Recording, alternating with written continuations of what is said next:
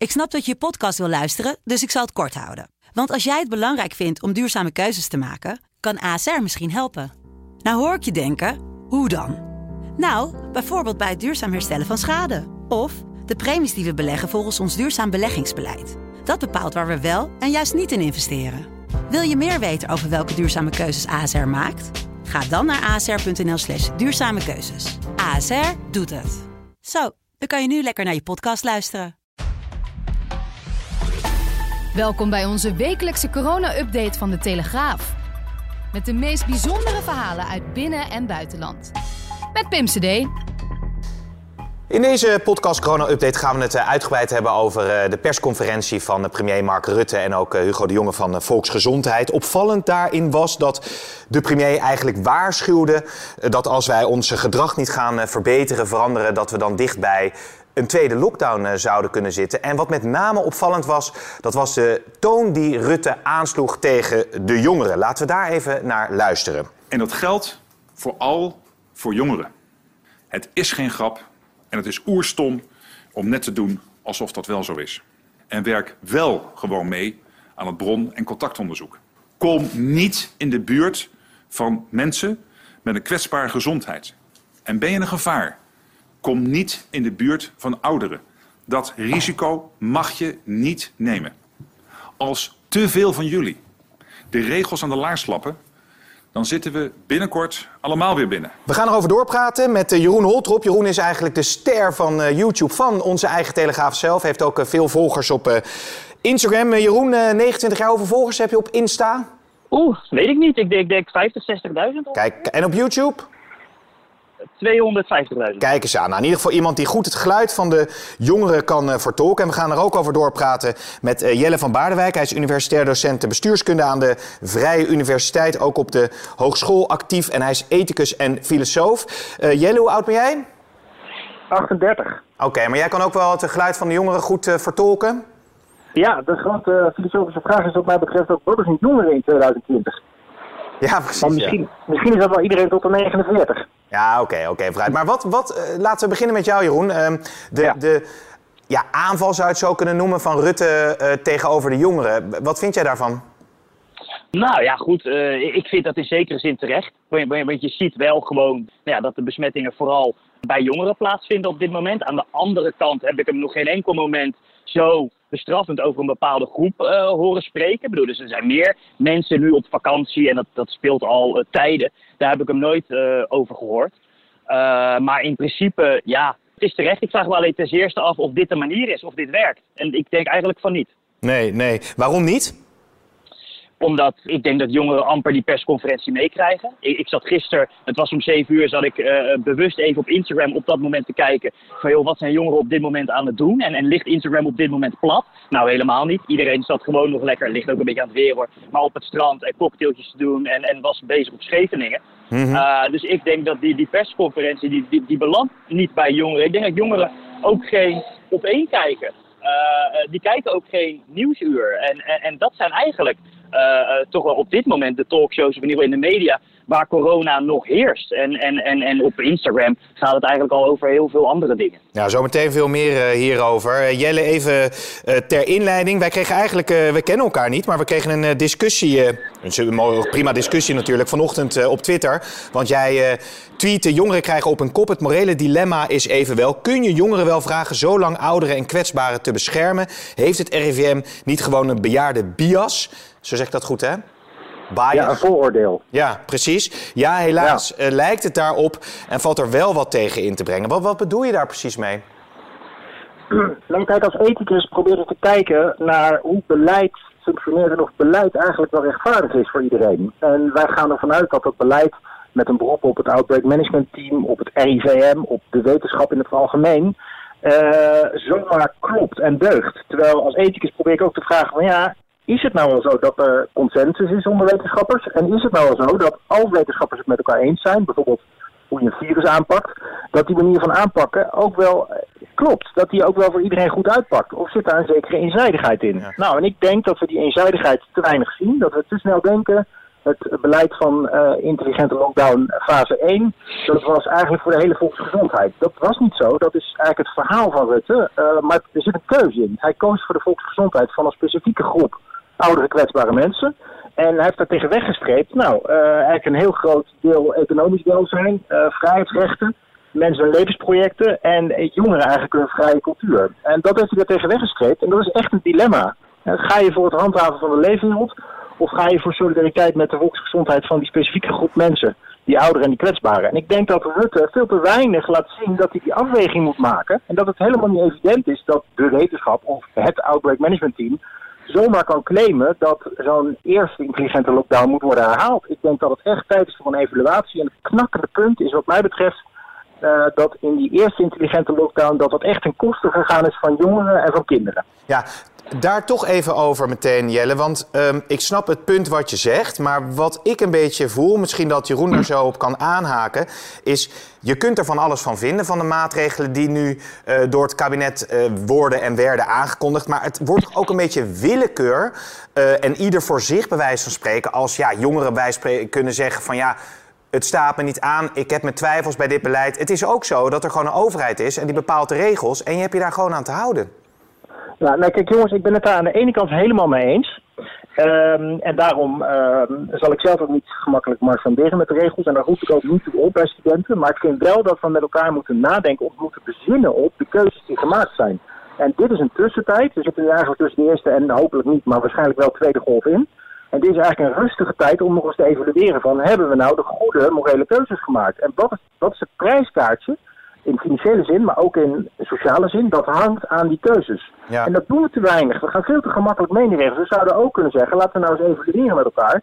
Ja, wat, is nu, wat kost het nou eigenlijk als kinderen hè, zes, zeven weken thuis zitten, als jongeren niet meer naar de universiteit of hogeschool of het mbo kunnen? Bedenk je wel, Misschien kijken ze niet naar de speeches van Rutte en de jongen. Dat zou best ook kunnen zijn in de, op het niveau van het bewustzijn.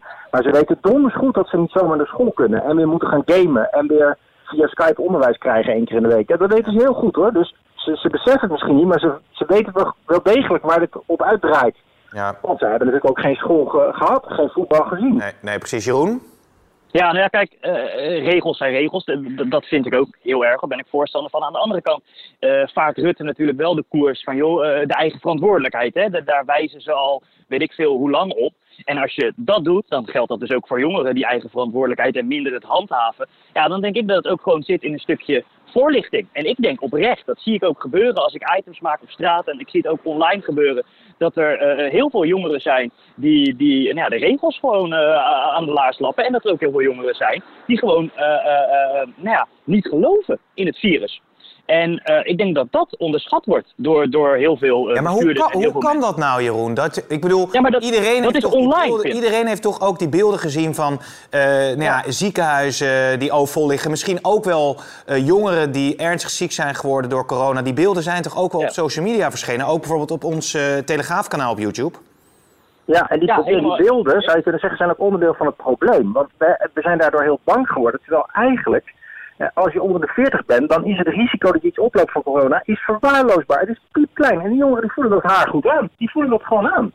Dus het, ik denk ook dat dat zo is, maar ik denk ook dat... over solidariteit. Hè? En dan gaan ze misschien wel mee. Maar op dit moment wordt er hen angst aangepraat die ook niet reëel is. Het is ook niet in hun belang. Het is uit solidariteit dat ze nou ja, dat, dat ben ik niet helemaal met u eens. Maar het ja, is wel in, in de belang van jongeren. Want, want precies wat Rutte zegt, jongeren hebben ook familie hebben opa's, hebben oma's. Het is toch in ieders belang om het virus uh, in te dammen? Ja, maar ja, dan, moet, dan, kunnen ze toch, wat jij zelf zegt, gewoon verstandig mee omgaan. Uh, even voor de duidelijkheid. Ik, Blijkbaar niet. Ik, ik probeer hier te evalueren wat voor beleidskeuzes we hebben nou, gemaakt. Ja. En ik denk dat, dat we te weinig jongeren ervan uh, hebben gevraagd van ja, willen jullie met ons meedoen? Hoe kunnen we jullie daartoe uh, oproepen? En te veel denken dat over hun eigen belang Jongens, ik ga heel even weer uh, de leiding hierin nemen. Want ik zag toevallig net ja. nog uh, een eerder moment van Rutte... waarin hij ook tegen jongeren zei, kom met ideeën. Hè? En er is natuurlijk ook een ja. campagne geweest waarin influencers... Uh, ja, hun hebben uitgelegd wat de gevolgen van het coronavirus uh, zijn. Eén ding wat, wat ik me wel afvraag, want dat komt natuurlijk heel veel terug ook bij oudere mensen... die natuurlijk ook vaak de Telegraaf lezen, et cetera. Die solidariteit, hè? Um, ja. er, is, er is wat irritatie ten opzichte van jongeren... omdat ze niet solidair zouden zijn. Hoe kijk jij daarnaar, Jelle? Nou, ik denk dat. Uh, kijk, je moet die fase van, corona, van de coronacrisis moet je wel zien. In het begin was iedereen heel bang voor de toestanden in die IC-bedden. En heel veel beleid is daar ook op geënt. En nog steeds lijkt heel veel beleid uit te gaan van we moeten die IC-bedden ontlasten. Terwijl we zijn nu maanden verder. Ja. Dus die solidariteit in het begin kon je dat van mensen vragen. Maar nu, ook die jongeren die vragen zich wel af, ja, wanneer houdt dit op? Weet je wel? Uh, wat als er nog een keer een virus komt? Wat als er geen vaccin komt? Moet dan een heel jaar niet in de stad komen? Dus uh, die solidariteit die uh, was sterk aan het begin, denk ik. Dat heeft ook iedereen wel ervaren. Van gewoon netjes thuis je werk doen, thuis blijven, afstand houden. Maar inmiddels is de plat daarin gekomen. En ja, eigenlijk snap ik het ook wel. Want die cyclus van het op kunnen brengen van solidariteit, die zakt in. En, dat, en daar is ook wat voor te zeggen. Tenzij je met een strikt verhaal komt waarbij je zegt, jullie moeten het offer brengen. Nou ja, daar kun je ook echt ethische, ethische vraagtekens bij zetten. Ja, Jeroen? Nou, ik denk dat jongeren in deze eerlijk gezegd ook onderschat worden. Hè? Want, want, want, het kan toch niet zo zijn dat iemand van 50 zich wel aan de regels houdt en minder besmet raakt en iemand van 20 zeg maar niet. Ik denk persoonlijk dat jongeren op een veel ander level denken en dat die gewoon veel minder in aanraking komen met het corona-nieuws en het mhm. virus. Die zitten op heel andere uh, media te kijken en ik, ik zou gewoon weer zo'n campagne uh, uh, nou, de, de, lucht inschieten. Weer allemaal influencers gebruiken en ook influencers achter je proberen te krijgen. Als je toch wil doen aan voorlichting. Er zijn zat influencers die gewoon het virus ontkennen. Nee, precies. Want dat is natuurlijk ook de vraag van je kunt wel influencers gebruiken om uh, de boodschap namens uh, de overheid te verspreiden. Maar werkt dat wel als er andere invloedrijke influencers zijn die eigenlijk die boodschap ontkrachten? Ja, ik, ik, ik, ik, het is een aanname van mij hoor, maar ik denk dat als je 100 uh, eh, influencers neemt, dat er 80 gewoon uh, de boodschap op een normale manier willen verspreiden en 20 die, die geloven in complottheorieën. Maar die 80 die horen we nu niet. Die zou je moeten uitnodigen uh, in Den Haag van joh jongens, help ons. Wij willen de jongeren bereiken en laten we dat met z'n allen doen. Er wordt gigantisch veel geld wordt uitgegeven aan een corona-app. Maar je zou dat nu ook gewoon opnieuw aan influencers kunnen uiten. Ja, oké. dus dat zou een goed uh, plan uh, kunnen zijn. Jelle, je had het even over... Hè, we hebben die solidariteit gehad in het begin, de druk op de IC-bedden. Maar wat zijn nou de grote negatieve gevolgen van het coronavirus... en met name die, die strikte beperkingen voor jongeren nu? Nou ja, zometeen beginnen de scholen weer. En dan kun je dus niet uh, naar school. Je kunt niet naar je middelbare beroepsopleiding, naar je hoge beroepsopleiding, naar de universiteit. Dat betekent dat je uh, discipline verliest. Dat je geen normale tentamens meer kunt afnemen. Dat je geen contact maakt met uh, medestudenten. Uh, dat betekent dat je dus nog meer achterstand gaat oplopen. Nog meer enthousiasme verliest om je best te doen. Ja. Ook zo voor bijbaantjes. heel veel jongeren werken in de horeca. Nou, vergeet het maar. dus de instituties waarin jongeren zich begeven, ja, die staan wel onder druk. Nou, die jongeren die gaan dan thuis zitten. Nou, eerst is het gamen nog leuk. Vervolgens, je raakt natuurlijk wel in een soort Google Netflix wereld terecht. En daar zit je dan in. Ja, het is wel prettig, daar gaat het niet om. Maar ja, het is niet echt verheffend. En die jongeren, eh, die zijn er zelf ook meer over aan het klagen. Want die willen natuurlijk ook sporten, feestvieren, rondlopen, het avontuur aangaan. Ja, ik snap dat ook. Dus, dus jij zou ruimte... meer zijn voor een lijn waarin je bijvoorbeeld een duidelijke splitsing maakt, bijvoorbeeld in leeftijdscategorieën? Waarin je nou, zegt van deze leeftijdsgroep kan wel een college hebben, deze leeftijdsgroep kan wel misschien in die introductietijd iets meer bij elkaar komen en een biertje drinken. Ja, ik denk inderdaad dat je wel natuurlijk met een duidelijk appel aan het gezonde verstand kan zeggen uh, dat mensen van onder 30 niet zulke strikte uh, leefregels hoeven te volgen als de mensen van boven de 60. Ja, laten we wel zijn, de mensen die echt, echt last hebben van corona zijn 70 of zelfs 80 plus. Hè? De rest zijn echt uitzonderingen. Dus je vraagt jongeren toch echt om een behoorlijke aanpassing. Terwijl zelfs de middengroep, zelfs rond de 50, zijn de risico's wel verwaarloosbaar. En we zitten dus voor een deel ook in een paniek en een overschatting van wat corona kan doen. En we moeten dus echt met elkaar gaan discussiëren of, ja, of het wel zo reëel is, dat coronabeleid. Dus voor mij is de fundamentele vraag echt, uh, moeten we niet nadenken over dat uh, wat oudere mensen en de kwetsbare mensen, dat die in quarantaine gaan bij een tweede intelligente lockdown. Ja. En dat de wereld van de mensen van onder de 40, misschien wel onder de 50 voor de deel gewoon blijft draaien. Ja, overigens kan, dat natuurlijk ook, weer, overigens kan dat natuurlijk ook weer schadelijke gevolgen hebben als je ervoor kiest om ouderen in isolement te sturen. Want die hebben natuurlijk juist ook dat contact nodig om te functioneren in deze maatschappij. Ja, natuurlijk. Ja, dat hebben we gezien in die vreselijke verzorgingshuizen waar mensen niet meer mochten zien. Ja, hou op zeg, verschrikkelijk. Maar het, kijk, die, die, die lockdown dat gaat er sowieso voor komen, vrees ik, als er weer een uh, heropleving van het virus komt.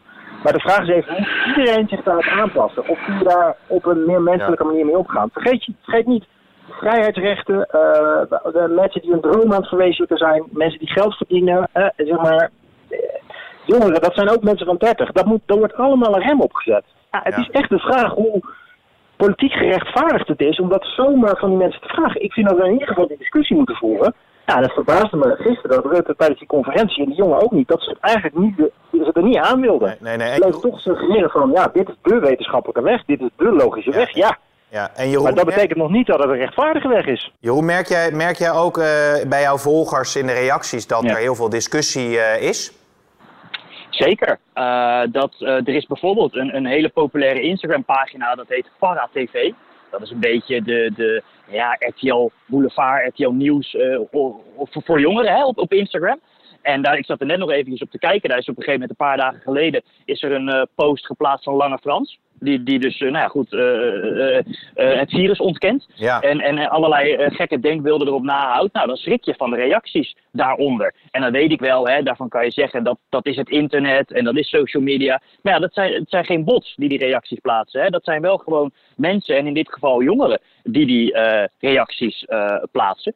En om even hè, toch in te haken ook op mijn gesprek. Ik, ik probeer een beetje van dat medische weg te blijven. Maar als we er nou vanuit gaan, hè, dat kunnen we wel zeggen dat jongeren een, een, een groot offer maken op dit moment, of moeten maken op dit moment. Ik ben het daar ook wel mee eens. Moet je misschien, ik weet niet, ik weet niet hoe jullie erover denken, gooi het balletje op, ook gaan denken in een soort incentive. Van joh, jongens, als jullie nu dit doen voor ons, voor het land, voor de maatschappij, dan krijg je er dit voor terug. Misschien is dat een idee. Ja, Ja. Maar je krijgt, ik je krijgt daardoor een wel... gek idee hoor.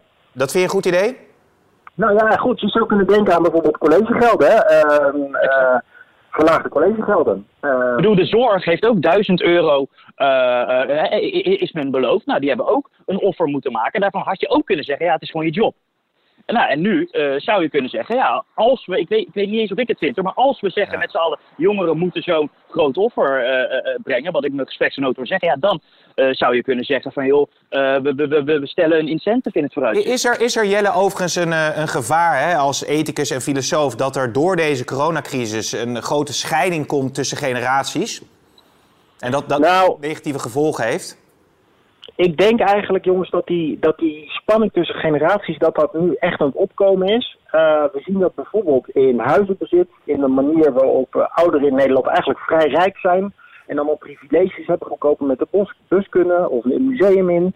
Eh, dus ik zie op meerdere panelen van onze, e- van onze economie en maatschappij al wel spanningen ontstaan tussen oud en jong. Alleen, ja, vooralsnog is het niet ontploft. En ik, ik, ga, ik, ik denk ook niet dat het gaat ontploffen. Maar de, de grote spanning in Nederland is langs meerdere lijnen eh, die tussen eh, ja, toch de babyboomers en de jongeren. Ja, Ja. Het, is heel jammer voor dat mensen dat niet willen, die generalisaties. Maar eh, als Maar- je maar- gewoon de feiten bekijkt. Maar toch even, ja, we, zitten hier, we zitten hier bij de Telegraaf. Hè, en dan als journalist vraag ik natuurlijk van ja, het is nog niet ontploft. Maar als het ontploft, wat, wat, wat gebeurt er dan? Waar leidt dat dan toe?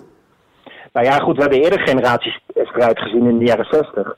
En eh, we, hebben vaker strijd gezien, met Black Lives Matter bijvoorbeeld. En wat, wat het oplevert is dat de discussie tenminste open staat. En dat eh, inderdaad kan worden nagedacht over bijvoorbeeld of er eh, andere belastingconstructies eh, kunnen ontstaan. Bijvoorbeeld het belasten van geld als iemand komt overlijden, dat het niet zo makkelijk kan worden doorgespeeld aan families. Het goedkoper maken van het hoger middelbaar onderwijs. Dat zijn wel dingen die het kan opleveren. Maar een strijd in de zin van dat je met elkaar de vuist gaat, ja, dat, dat gaat niet gebeuren. Kijk, om Nee. te beginnen zijn er al zoveel ouderen in Nederland. De jongeren zijn echt gewoon in de minderheid. Hè? Dus eh, die zullen ook wel eieren voor hun geld kiezen. Maar je Ja. zou wel kunnen bedenken dat, dat er een meer rechtvaardig belastingstelsel denkbaar is. Ja, dat zou kunnen. En dat zou zo'n ideeënstrijd wel kunnen opleveren. Ja, hoe ziet dat er dan? Ja, je noemde het al even, een rechtvaardiger belastingstelsel. Nou, eigenlijk zeggen jullie het allebei. Je zou eigenlijk voor dat offer een soort van tegemoetkoming of een soort incentive moeten creëren, zodat ze misschien eerder bereid zijn om ja, zich te, houden aan de regels, waarvan je ook nog kunt afvragen of die regels wel, eh, wel nodig zijn. Ja, het is gewoon onwijs ingewikkeld, hè?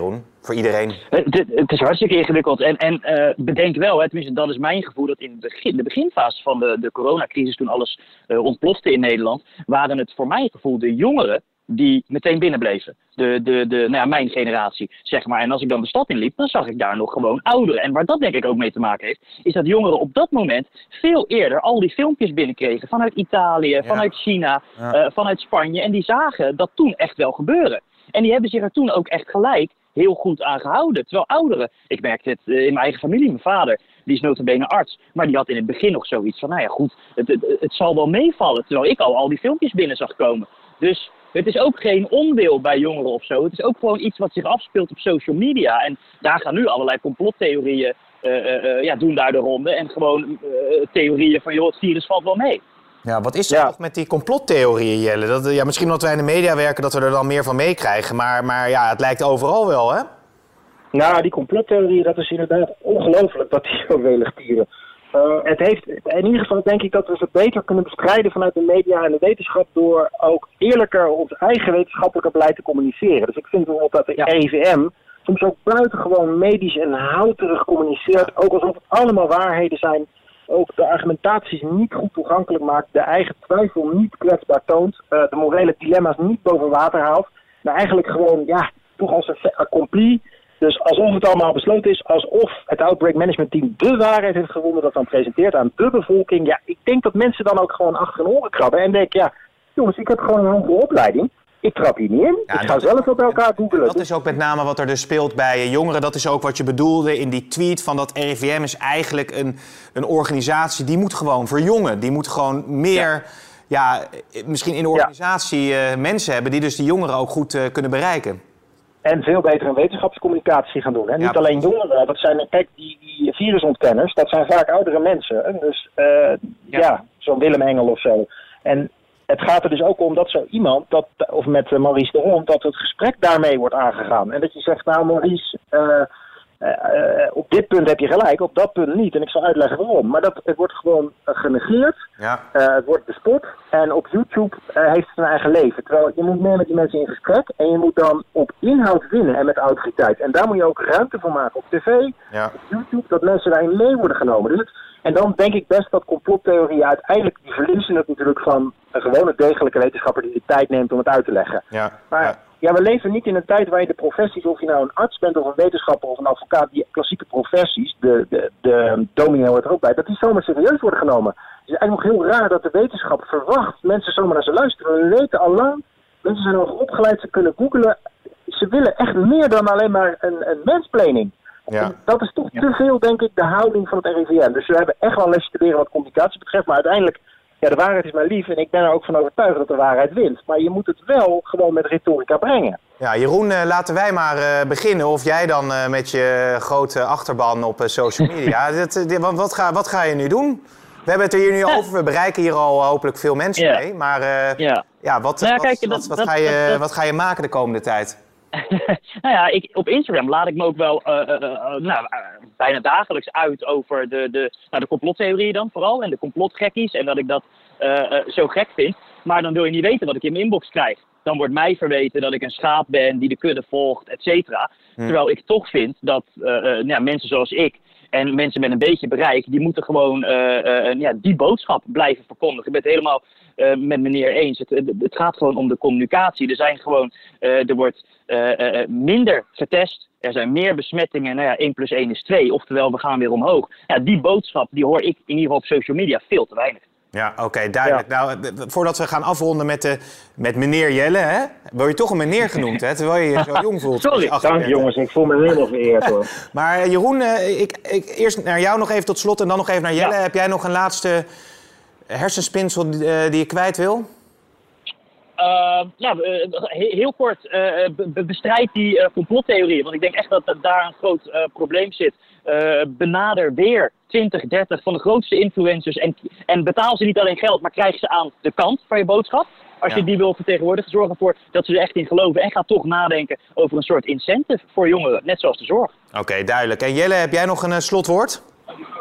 Ja, Kijk, ik denk dat uiteindelijk het probleem van het coronabeleid, jongens, is niet het nepnieuws of de complottheorieën. Het gaat er eigenlijk om dat we die, die wetenschappelijke inzicht, dat we die ook normatief evalueren. Dus willen wij eigenlijk wel dat onze hele samenleving bij een tweede golf weer op slot gaat. Ja. En willen wij accepteren dat jongeren daarvoor zo'n hoge prijs betalen? Ja, ik denk dat we die discussie met elkaar aan moeten gaan. En ik, ik heb er echt twijfel over. En dan, dat, en ik, en ik vind die, die, die onzin van de virusontkenners, daar hoeven we het helemaal niet over te hebben. Ook als het virus gewoon reëel is en mensen er een behoorlijke consensus is over wat een virus aanricht bij mensen, vooral 59 plus trouwens, dan moet je de vraag stellen, ja, is dit beleid wel eerlijk? Vinden we het wel overtuigend?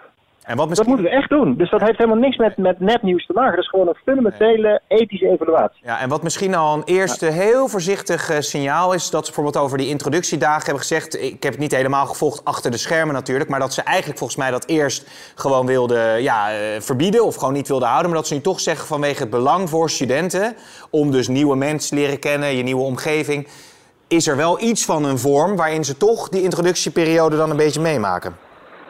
Ja, en ik zou dus ook zeggen dat de collegezalen weer open moeten. Dat er gewoon weer op de universiteiten en op hogescholen eh, mensen bijeen moeten kunnen komen. Eh, Ja. Dat is een groep waar de risico's zo laag zijn. En er zijn altijd wel studenten die dat niet willen, omdat ze een kwetsbare ouder hebben thuis of zo. En dan zal je zien dat toch maar de helft komt. Maar dat is dan toch wel belangrijk. Het is echt van vitaal belang dat mensen bij elkaar zijn. Ja, ja, ja. Nou, ik vind in ieder geval. Denk ik. eh, nee, het, het zijn. Ja, ik ben het er niet helemaal mee. Ja, goed, ik ben het er nog niet helemaal mee. Nou, je mag. Je, nee, maar Jeroen, eh, ik bedoel, eh, in deze, in de, dat is het fijne van een podcast, hè? Dus we kunnen Ja. dat nog even afmaken natuurlijk. Wat, wat, wat wil je erop reageren? Ja.